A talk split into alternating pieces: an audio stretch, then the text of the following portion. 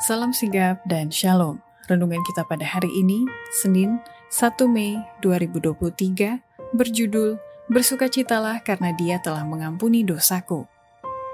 Ayat intinya terdapat di dalam Matius 9 ayat 2. Maka dibawa oranglah kepadanya seorang lumpuh yang terbaring di tempat tidurnya. Ketika Yesus melihat iman mereka, berkatalah ia kepada orang lumpuh itu, Percayalah, hai anakku, dosamu sudah diampuni.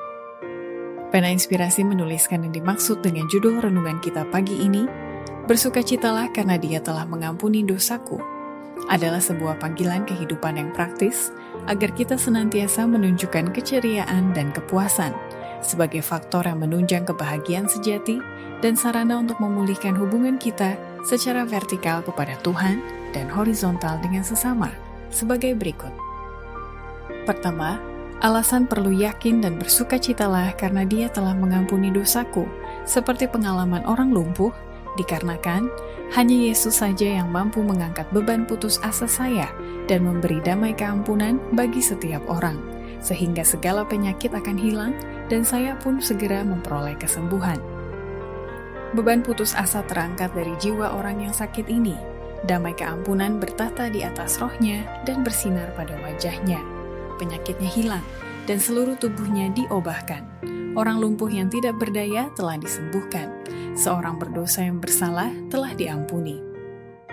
Kedua, alasan perlu yakin dan bersukacitalah karena dia telah mengampuni dosaku seperti pengalaman orang lumpuh, dikarenakan damai keampunan dari Yesus dapat membersihkan darah serta melancarkan sistem aliran darah dalam tubuh saya sehingga organ-organ tubuh yang lumpuh bisa digerakkan kembali. Darah pemberi hidup itu pun mengalirlah ke seluruh pembuluh darahnya. Segala alat tubuhnya dengan tiba-tiba bergerak kembali. Pancaran kesehatan menggantikan bayangan maut. Pada ketika itu juga, bangunlah ia. Diangkatnya tempat tidurnya itu, lalu pergi keluar di hadapan orang sekalian itu. Sehingga sekaliannya itu pun tercengang-cenganglah, serta memuliakan Allah. Katanya, belum pernah kami melihat yang demikian ini. Ketiga, Alasan perlu yakin dan bersukacitalah karena dia telah mengampuni dosaku seperti pengalaman orang lumpuh, dikarenakan kesembuhan kerohanian akibat damai yang diberikan Yesus akan diikuti oleh kesembuhan badani saya. Orang sakit lumpuh telah mendapat dari Kristus suatu kesembuhan baik dalam jiwa maupun dalam tubuhnya. Kesembuhan kerohanian diikuti oleh kesembuhan badani. Pelajaran ini janganlah dilupakan pada zaman ini terdapat beribu-ribu orang yang menderita penyakit badani, sebagaimana orang sakit lumpuh itu, yang sedang merindukan akan pegabaran dosa-dosamu diampuni. Beban dosa dengan keinginannya yang tidak pernah merasa puas adalah dasar segala penyakit mereka. Mereka tidak akan mendapat kelepasan hingga mereka datang kepada tabib jiwa.